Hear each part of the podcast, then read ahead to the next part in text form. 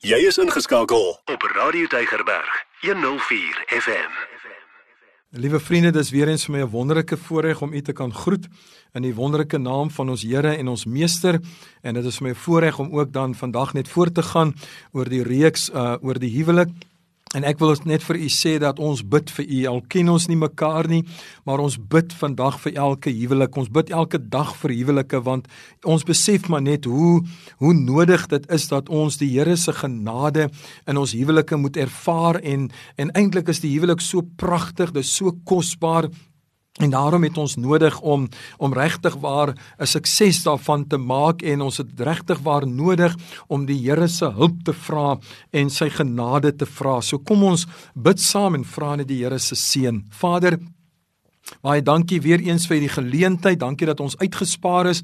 Dankie dat ons die voorreg kan hê om weer eens verder te kan praat oor die huwelik. En dankie Here dat ons net weer eens kan bid. Ons weet ons het 'n vyand, sy naam is die duiwel en hy probeer alles, Here, om huwelike af te breek en te vernietig. En ek wil kom bid dat hierdie reeksie wat ons het, dat dit Here sal help om hierdie gif te te werk in die naam van die Here. Ek wil kinders van die Here oproep tot gehoorsaamheid aan U en onderwerping aan U om hulle te onderwerp aan die woord van die Here en om hulle te onderwerp aan die gees van die Here.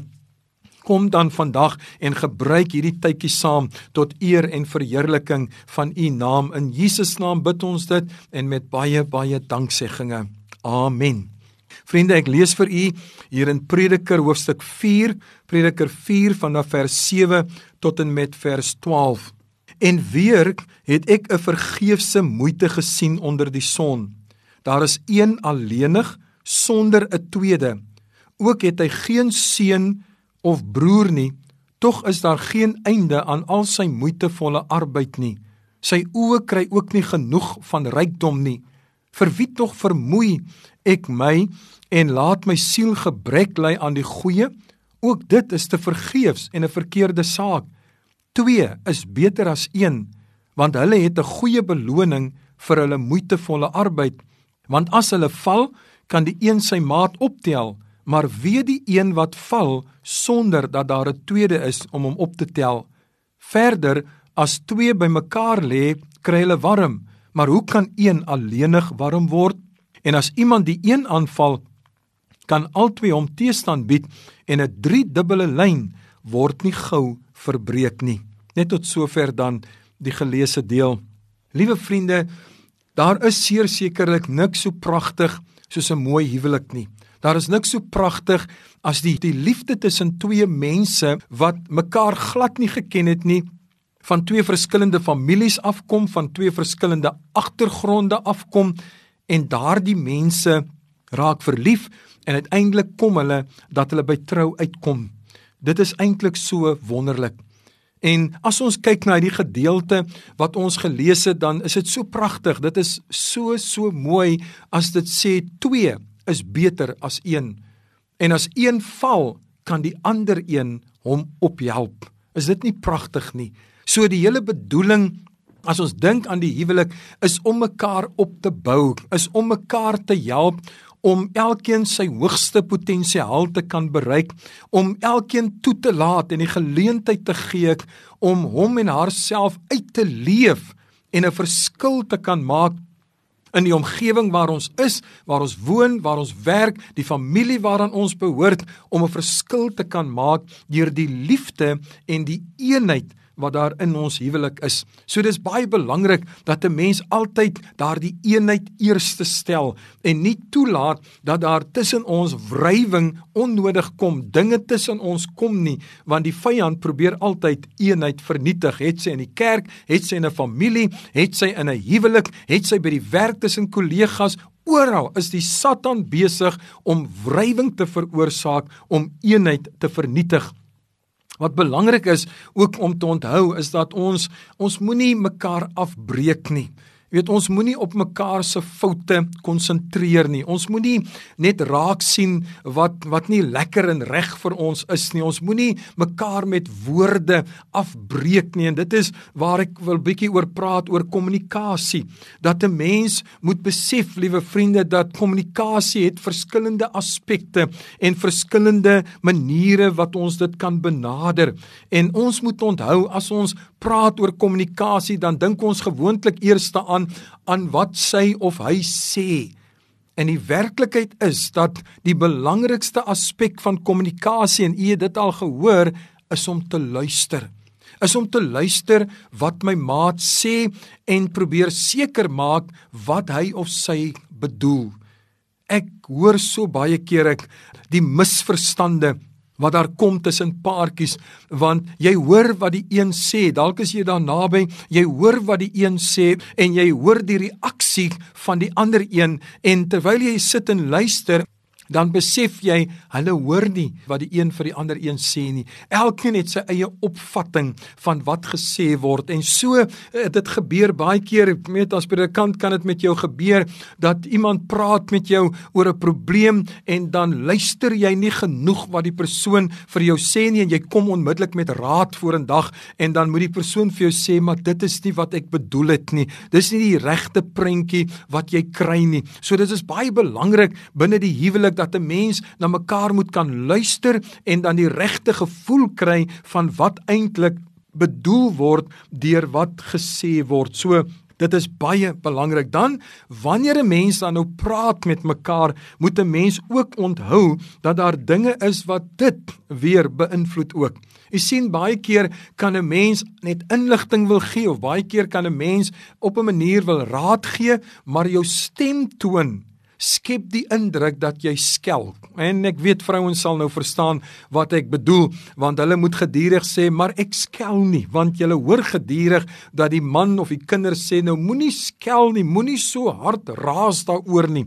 So baie keer dan sê die vrou die regte ding, maar net omdat haar stemtoon nie pas by wat sy sê nie, word dit misverstaan en dan is die reaksie natuurlik mos nou ook verkeerd daarop. So dis baie belangrik dat 'n mens moet weet dat wanneer jy praat, dan is daar ander aspekte wat die boodskap oordra en of kan misoordra eh, wat jy eintlik probeer sê wanneer jy nie let daarop nie. Dink maar aan die oë. Die oë praat mos mooi. Nee, dit is so mooi as jy 'n verliefde paartjie sien sit daar in 'n restaurant of daar by 'n parkie en hulle kyk mekaar. Hulle sê niks vir mekaar nie. Hulle kyk mekaar, hulle vat aan mekaar en as jy na hulle oë kyk, dan sê dit alles. Ek is lief vir jou. Ek is joune. Ek behoort aan jou. Ek wil by jou wees. Nee, so, maar so is dit ook dat 'n mens baie keer kommunikeer sonder om na mekaar te kyk.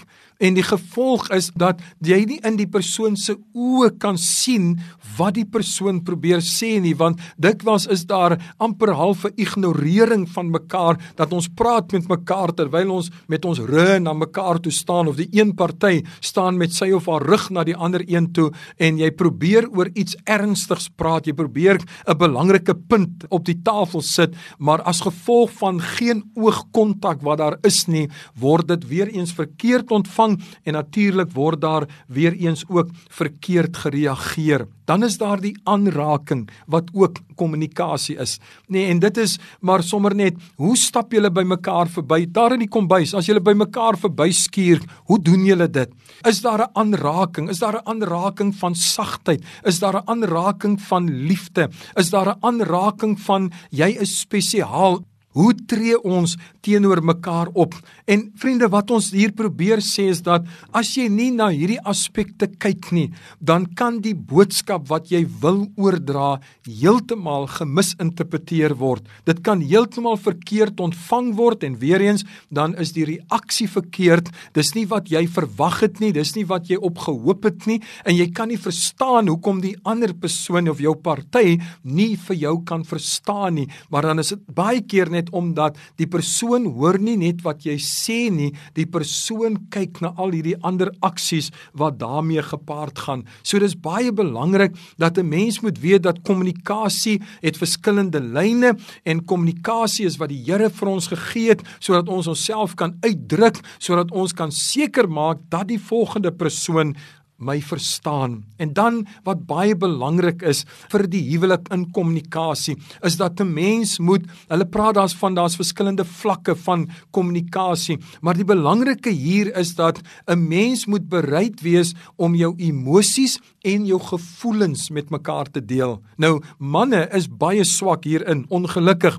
Manne hou nie daarvan om hulle gevoelens te deel nie. Manne steek hulle emosies weg want hulle wil nie swak voorkom nie. En dit is die jammerte, dis die hartseer daarvan want jou vrou wil graag jou hart ken. Jou vrou vrou wil graag weet hoe voel jy oor sekere dinge? Byvoorbeeld, as ek nou 'n baie eenvoudige voorbeeld kan maak, ons het nou in Junie maand Vadersdag gevier en dalk leef jou vader nie meer nie. Dalk is dit dat jou pa en ma geskei is. En wanneer Vadersdag aanbreek, dan kom daar seer sekerlik sekere emosies by jou op, sekere gevoelens by jou op. Die vraag is, het jy dit al ooit met jou vrou gedeel? Het jy al ooit vir haar gesê hoe laat Vadersdag jou voel?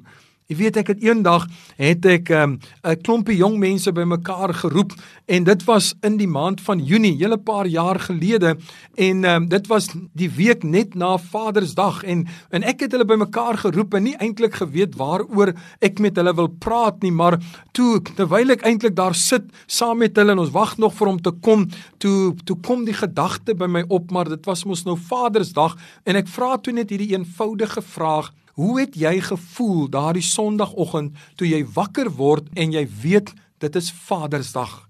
En vriende, ek was verskrik geweest om die minste te sê van die antwoorde wat ek gekry het van jong mense af. Iemand het gesê dit het my gewalg. Iemand het vir my gesê dit is een van die slegste dae wat daar kan wees in die jaar. Net die woordjie Vadersdag. Iemand het vertel, dit was, so ek sê dit was so skokkend want dit was mense wat ek jong mense wat ek geken het persoonlik. Ek het hulle families geken, maar ek het nie hulle storie geken nie. Een jong seun wat gesê het, glo dit as jy wil, ek het net die Saterdag van tevore vir die eerste keer my biologiese pa gesien. Ons het nooit besef dat hy met 'n stiefpa groot geraak het nie vir die eerste keer en sy maat vir hom gesê asseblief moenie met hom praat nie want ons kan nie nou hier 'n scenery opsit nie.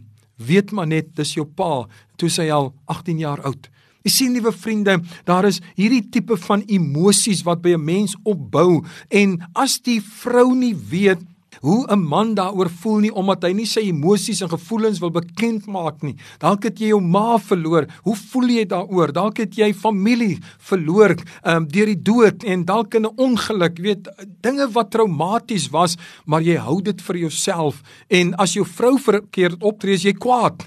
Maar sy sy maak jou dan nou kwaad want jy sê sy maak jou kwaad omdat sy nie empatie het en miskien simpatie het nie, maar die probleem is sy weet nie hoe jy voel nie. Sy weet nie wat dit by jou bring nie. So dit is baie belangrik vir manne om om te kan weet dat jy met jou hart teenoor jou vrou kan oopmaak. Vrouens praat maklik. Hulle sê maklik hoe hulle voel. Hulle sê maklik, huil maklik. Ehm um, weet hulle maak bekend en dan môre is hulle weer reg en dan gaan hulle weer aan. So mense, die mans weet meeste van die tyd hoe dat vrouens voel tensy die vrou self ook met baie seer in haar lewe sit en geleer het om toe te maak en en dit af te sonder van mense af want jy het al te veel seer gekry in die lewe. Hoekom is dit belangrik dat ons met mekaar moet kan kommunikeer en met mekaar moet kan deel? Want jy sien daar's 'n gevaar in as jy dit nie doen nie en die gevaar is dat jy gaan kry iemand by die werk, jy kry iemand daar buitekant en jy gaan deel al jou gevoelens en jou emosies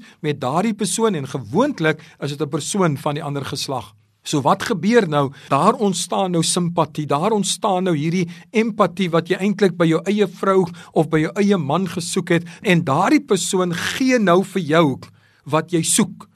En dan ontstaan daar 'n tipe van intimiteit, 'n tipe van 'n verbintenis. Daar's nie regtig liefde betrokke of niks nie, maar hier is 'n gevoel van hierdie persoon verstaan my beter en op die ou einde deel jy al jou private, al jou intieme inligting, deel jy met hierdie persoon en kort voor lank is daar 'n verhouding, maar dis 'n verhouding wat gebou is op seer. Dis 'n verhouding, in geval nie daar moet moet wees nie, dit sal ook nooit werk nie, maar dit is gebou daarop dat dit wat jy eintlik met jou vrou of met jou man moes deel, het jy met die volgende persoon gedeel deel wat niks met jou te doen het nie, maar daar het nou 'n verbintenis gekom en dan is die groot probleem dat ons mis mekaar. 'n Volgende ding wat baie belangrik is vir ons tyd en ek weet as ek dit nou gaan sê dan gaan almal vir my vra waar kom jy vandaan? En dit is dood eenvoudig dit klim van julle fone af. Dis vir my verskriklik om te sien, ek praat nie van vir 'n minuut of 2 nie, maar wanneer paartjies soms sit, hulle sit in die restaurant, hulle sit eers en elkeen is op hulle eie fone. Hulle sien net soos die kinders van vandag wat met fone groot raak en soms deur fone groot gemaak word, dat hulle sien nie meer hoe die gras lyk nie, hulle sien nie meer die bome nie, hulle hoor nie meer die voeltjies fluit nie, hulle sien niks, hulle weet niks wat om hulle aangaan nie, want hulle is so besig op hulle telefoon telefone en dan sê hulle nog ons het tyd met mekaar spandeer. Watter tyd? Wat se tyd was dit? Wat se kwaliteit tyd het julle met mekaar gespandeer as julle elkeen die hele tyd op julle fone was en met vriende en met werkskollegas en sulke mense of familie besig is om met hulle te chat terwyl julle veronderstel is om tyd met mekaar saam deur te bring. Jy sien wat baie keer gebeur in baie baie huwelike in en ons het gepraat oor die vorige keer oor egskeiding skeidings wat plaasvind. Baie mense gaan skei omdat wanneer die kinders uit die huis uit is en man en vrou nou alleen by mekaar is en veronderstel is om nou mekaar te moet kan geniet, dan vind hulle uit ons het niks meer in gemeen nie. Weet jy hoekom? Want hulle kommunikasie was so vlak gewees oor die jare. Hulle het kinders grootgemaak. Hulle het gedeel in die opgewondenheid van kinders en die betrokkenheid by die kinders dat hulle nooit meer in mekaar belê het wat kommunikasie aanbetref nie. En dan as hulle skielik alleen is, het hulle niks meer vir mekaar te sê nie. Hulle verlang nie eens na mekaar se geselskap nie, want daar's niks om oor te gesels nie. En dit is as gevolg van die feit dat daar oor 'n tydperk van 20 jaar absolute swak kommunikasie was en hulle nooit by mekaar uitgekom het en hulle harte vir mekaar oopgemaak het nie. So, dis baie belangrik. Ons kan elke dag oor baie goed praat. Ons kan oor die weer praat, ons kan oor die werk praat, ons kan oor die ekonomie praat, maar ons het nodig om dieper as dit te praat en ons harte vir mekaar oop te maak want dit is die veiligste plek waar jy dit kan doen en behoort te doen. Dis binne in jou huwelik. 'n Volgende aspek wat ek vinnig na toe wil gaan is finansies finansies binne die huwelik want finansies kan so dikwels konflik in die huwelik veroorsaak. En dit is vandag so dat dit in baie huwelike konflik veroorsaak. En een van die redes is baie keer dat uh, weet veral vandag waar beide man en vrou verplig word baie keer om te werk en ons laat dit toe, dan gebeur dit dat ons begin kyk na wat bring jy in in die huis? Hoeveel bring jy in? En as dit voel dat my maat bring minder as ek in, dan is die gevoel maar jy bring nie genoeg in nie. Jy moet iets meer doen om meer in te bring. En so kan finansies 'n groot probleem wees binne die huwelik. Aan die ander kant is dit ook dat 'n mens so jou finansies onder druk, onnodige druk kan plaas want jy spandeer meer as wat jy inkry en dan bring dit druk op die huwelik. Hoe gaan ons aan die einde van die maand die rekeninge betaal? Hoe gaan ek die motor betaal kry? Hoe gaan ons die huis se verband betaal kry? Hoe gaan ons die kinders se skoolgelde betaal kry? Nou, weer eens, die ou mense het 'n spreekwoord gehad. Hulle het gesê dat as armoede by die voordeur inkom, dan verdwyn liefde by die agterdeur uit. So wat ons moet besef, liewe vriende, dat om mekaar net lief te hê is nie genoeg vir 'n gelukkige huwelik en vir 'n huwelik wat kan oorleef nie. Liefde is nie alleen genoeg nie. Ons moet die atmosfeer skep waar liefde kan groei en kan sterker word. Ons moet nie van verskillende oorde af druk op die huwelik plaas en op ons liefde plaas en en dink dat dit ons gaan deurdra nie. Ons moet onthou dit gaan nou oor dinge wat ons besluit. So dit is belangrik dat 'n mens moet weet dat jou finansies is 'n seën van die Here af van jou. Dit is daar sodat jy kan leef, sodat jy kan eet, sodat jy 'n plek kan hê waar jy kan bly en so aan en om te voorsien en as daar ruimte is om om jouself te kan bederf ook, maar is belangrik dat 'n mens moet weet dat finansies vorm 'n uiters belangrike deel van elke huwelik en dis belangrik dat ons moet weet hoe om dit te bestuur en hoe om dit te hanteer. So, die eerste gedagte wat by my opkom oor finansies is altyd dat daar moet 'n openlikheid wees. Dis vir my eintlik ongelooflik wanneer ek baie kere hoor dat mense al vir jare getroud, dan weet die man nie wat die vrou verdien nie of die vrou weet nie wat die man verdien nie, maar hulle skel mekaar uit dat die een mors sy geld op. Jy sien as jy nie weet wat jou maat verdien nie, hoe gaan jy ooit weet wat hy kan vermag met sy geld of wat kan sy vermag met haar geld? So dis uiters belangrik dat daar moet 'n openlikheid wees. Daar moenie geheimhouding wees nie want julle is een en julle is veronderstel om saam te werk vir 'n beter toekoms en vir spesiale oomblikke. So daar moet openlikheid wees. 'n Tweede ding wat uiters belangrik is is daar moet 'n begroting wees. Maak nie saak of jy 1000 rand 'n maand verdien en of jy 50000 rand 'n maand verdien nie, daar moet ten minste 'n begroting wees wat sê dit is die inkomste wat ons het en dit is die verpligtinge wat ons het. Dis inkomste en ons uitgawes en ons moet kan ooreenkom oor hoe ons hierdie uitgawes gaan hanteer sodat ons kan werk daarna toe om iets ekstra uit te kan kry wat ons kan gebruik om onsself 'n bietjie te bederf wat ons kan gebruik vir 'n moontlike vakansietjie, moontlik vir vir daai meubels wat jy graag wil hê. Ons moet kan werk daarna toe. Dit is uiters uiters belangrik, liewe vriende en dit gaan nie daaroor dat jy elke maand nou die begroting gaan uithaal en vir mekaar um, gaan sê luister voordat jy aan enige geld raak hier is die begroting. Nie nee dit gaan daaroor dat ons 'n riglyn kan hê sodat ons dit wat binne ons vermoë is kan vasstel en dat ons daarby kan uitkom en seker kan maak dat niemand mekaar blameer oor wat het van die geld geword nie. Ek sê baie kere paartjies beklei oor geld wat hulle nie het nie en dit is doeteenvoudig omdat niemand weet hoeveel geld in die huis inkom en hoeveel daar is wat gebruik kan word nie. So dis belangrik dat daar openlikheid moet wees, dat daar 'n begroting moet wees en natuurlik saam met dit dat daar ook 'n vertroue moet wees, nê, dat ons mekaar moet kan vertrou, moenie mekaar in die rug steek nie. Dit het al baie gebeur. Manne soms vrouens kan ook natuurlik maar maar sukkel soms met 'n dobbelprobleem. En nou skelmpies misbruik hy van die fondse van die huis en dan is daar nooit genoeg geld om al die uitgawes te dek nie en niemand weet ook nooit waar dit is nie. Maar dis omdat jy geld op goed spandeer wat nie binne 'n begroting is nie wat nie die goedkeuring van beide uh, dra nie. So dis belangrik dat daar vertroue moet kan wees maar dat ons openlik moet kan wees. Maar ek wil net oor een uitgawe vandag vinnig ietsie sê. En dit is dat as jy kyk na jou uitgawes en jy wil nie dit nou hoor nie nê maar maar kyk daarna gee jy jou deel vir die Here? Ek vra nie gee jy 10 rand vir die Here van 15000 rand nie of 100 rand want jy gee dit mos vir die kerk nie. Baie mense beroof hulle self van die seën van die Here omdat hulle nie die Here eer met hulle geld nie. So daarom is dit belangrik gaan vra jouself af gee jy ten minste 'n tiende deel van jou inkomste vir die Here, nie vir die kerk nie, nie vir die dominee se salaris nie.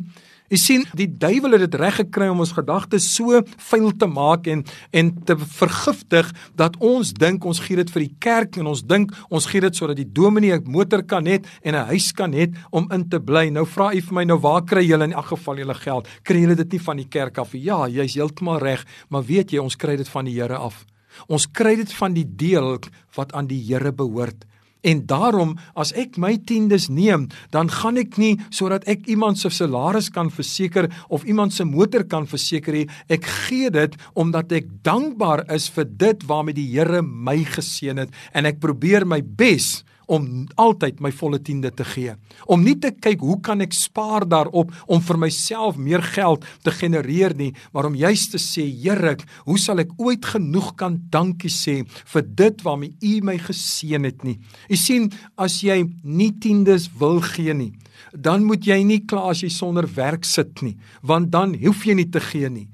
Maar die oomblik wat die Here jou seën met 'n inkomste, dan is die vraag, eer jy die Here daarmee. U mag vra hoekom? Hoekom wil die Here hê dat ek 'n deel van my inkomste vir hom moet gee? Weet jy hoekom? Want hy wil jou vrymaak van geldgierigheid. Hy wil jou vrymaak van 'n selfsugtige houding wanneer dit by geld kom. Want jy sien geld kan jou doodmaak. Geld kan al jou vreugde steel as dit begin om oor jou te regeer en deurdat ons ons deel vir die Here gee is sodat jy kan vrykom en sê al kan ek vir my 'n motorpaaiement betaal het met hierdie bedrag wat ek maandeliks behoort te gee al kon ek wat ook al 'n vakansie gaan gaan betaal het daarmee gee ek dit vir die Here sodat die Here dit kan seën dat die Here dit wat ek het kan seën en dat sy guns daaroor kan wees. So En hiermee moet ek afsluit. Dit is ons gedagte oor kommunikasie en oor finansies en dit is my gebed dat u daaroor sal dink, daaroor sal bid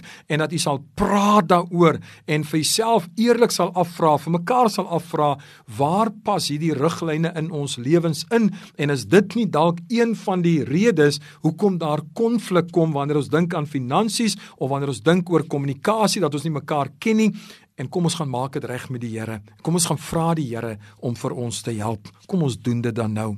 Vader Baie baie dankie dat ons net hier voor U kan kom vandag en net weer eens kan besef hoe belangrik kommunikasie is. Here, U praat gedurig deur met ons as mens. U het vir ons 'n Bybel gegee.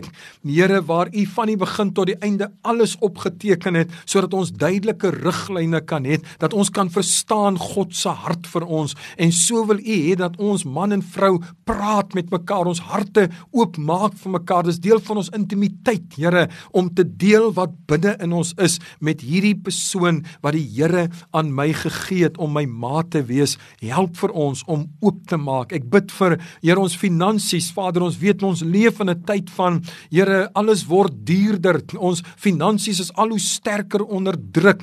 En Here, die grootste gevaar, die grootste fout wat ons kan maak, is om te sê, Here, ek het niks meer om vir U te gee nie, want ek moet dit op myself gebruik. En Here, ons durf nie die seën van die Here mis op ons beursies nie en op ons finansies nie. So ek bid en vra, help vir ons wat dit aanbetref om helder en nugter wakker en bidend daaroor te dink en dit bidend voor die Here te bring. Seën ons almal asseblief en word verheerlik in Jesus naam. Amen. Elke dag jou nommer 1 keuse. Radio Deugerberg 104 FM.